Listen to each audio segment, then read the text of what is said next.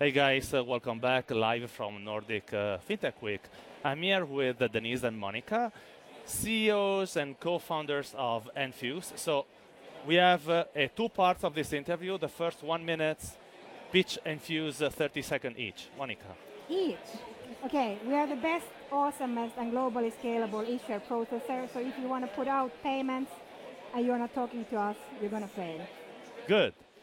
We are the uh, collaborative partner that anyone uh, wants to work with if they are going to deal with uh, digital payments uh, globally scalable.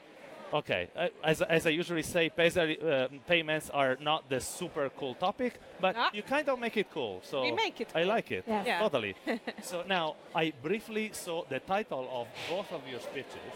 One is like uh, stand up, give a damn, and don't what if, let's do it. So what are you going to talk about here? Well, I think that's exactly it. So Denise, my better half, she did an awesome job getting people to understand that they can actually get shit done. So it's all about that, you know, stopping the what ifs and just going for it. You will never know what's coming at you. So I think it's quite useless to be thinking about the all what ifs because no matter how much you do it, you won't know what's coming at you pandemic, great, like how many had that on the risk matrix? None of us, and yet we survived over it. So be like always move forward, react on what's happening in the surrounding, never stand still.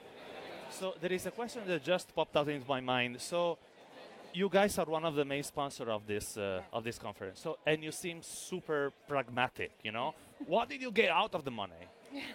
yeah, that's a good one. Uh, but I would say, like, we want to be here making sure that people actually wake up. I just had a sta- stage uh, presentation about, you know, getting up, standing up, and making an impact. So we want to be here as we are Nordic born, but looking to scale globally.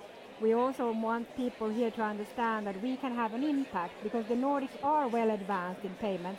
We are well advanced in digital identity, etc. So the only thing we actually are really good at is fucking excuses on not getting things done. And that's why we're here. We wanted to wake up the people.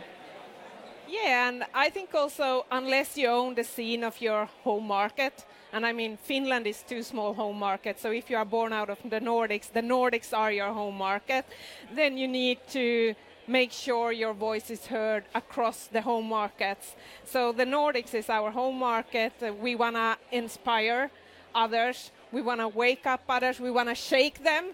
That's why we both are physically here, so we actually can do it if needed. No, but it, it, it's great to meet fellow Nordic uh, entrepreneurs as well. I will remember this interview because uh, I've been 15 years in the fintech industry, back from the Swift time. This is the first time that I see two co-CEO of a grown-ups. Uh, yes, yeah. And female leaders, yeah. amazing. It's going really well for us. And I think that's one of the things because it is never too late or too early to found a company.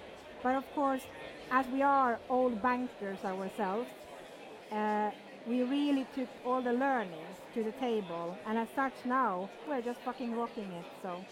Your journey is going certainly to be inspiring. Thank yes. you very much. Thank you so much for Thank having you. us.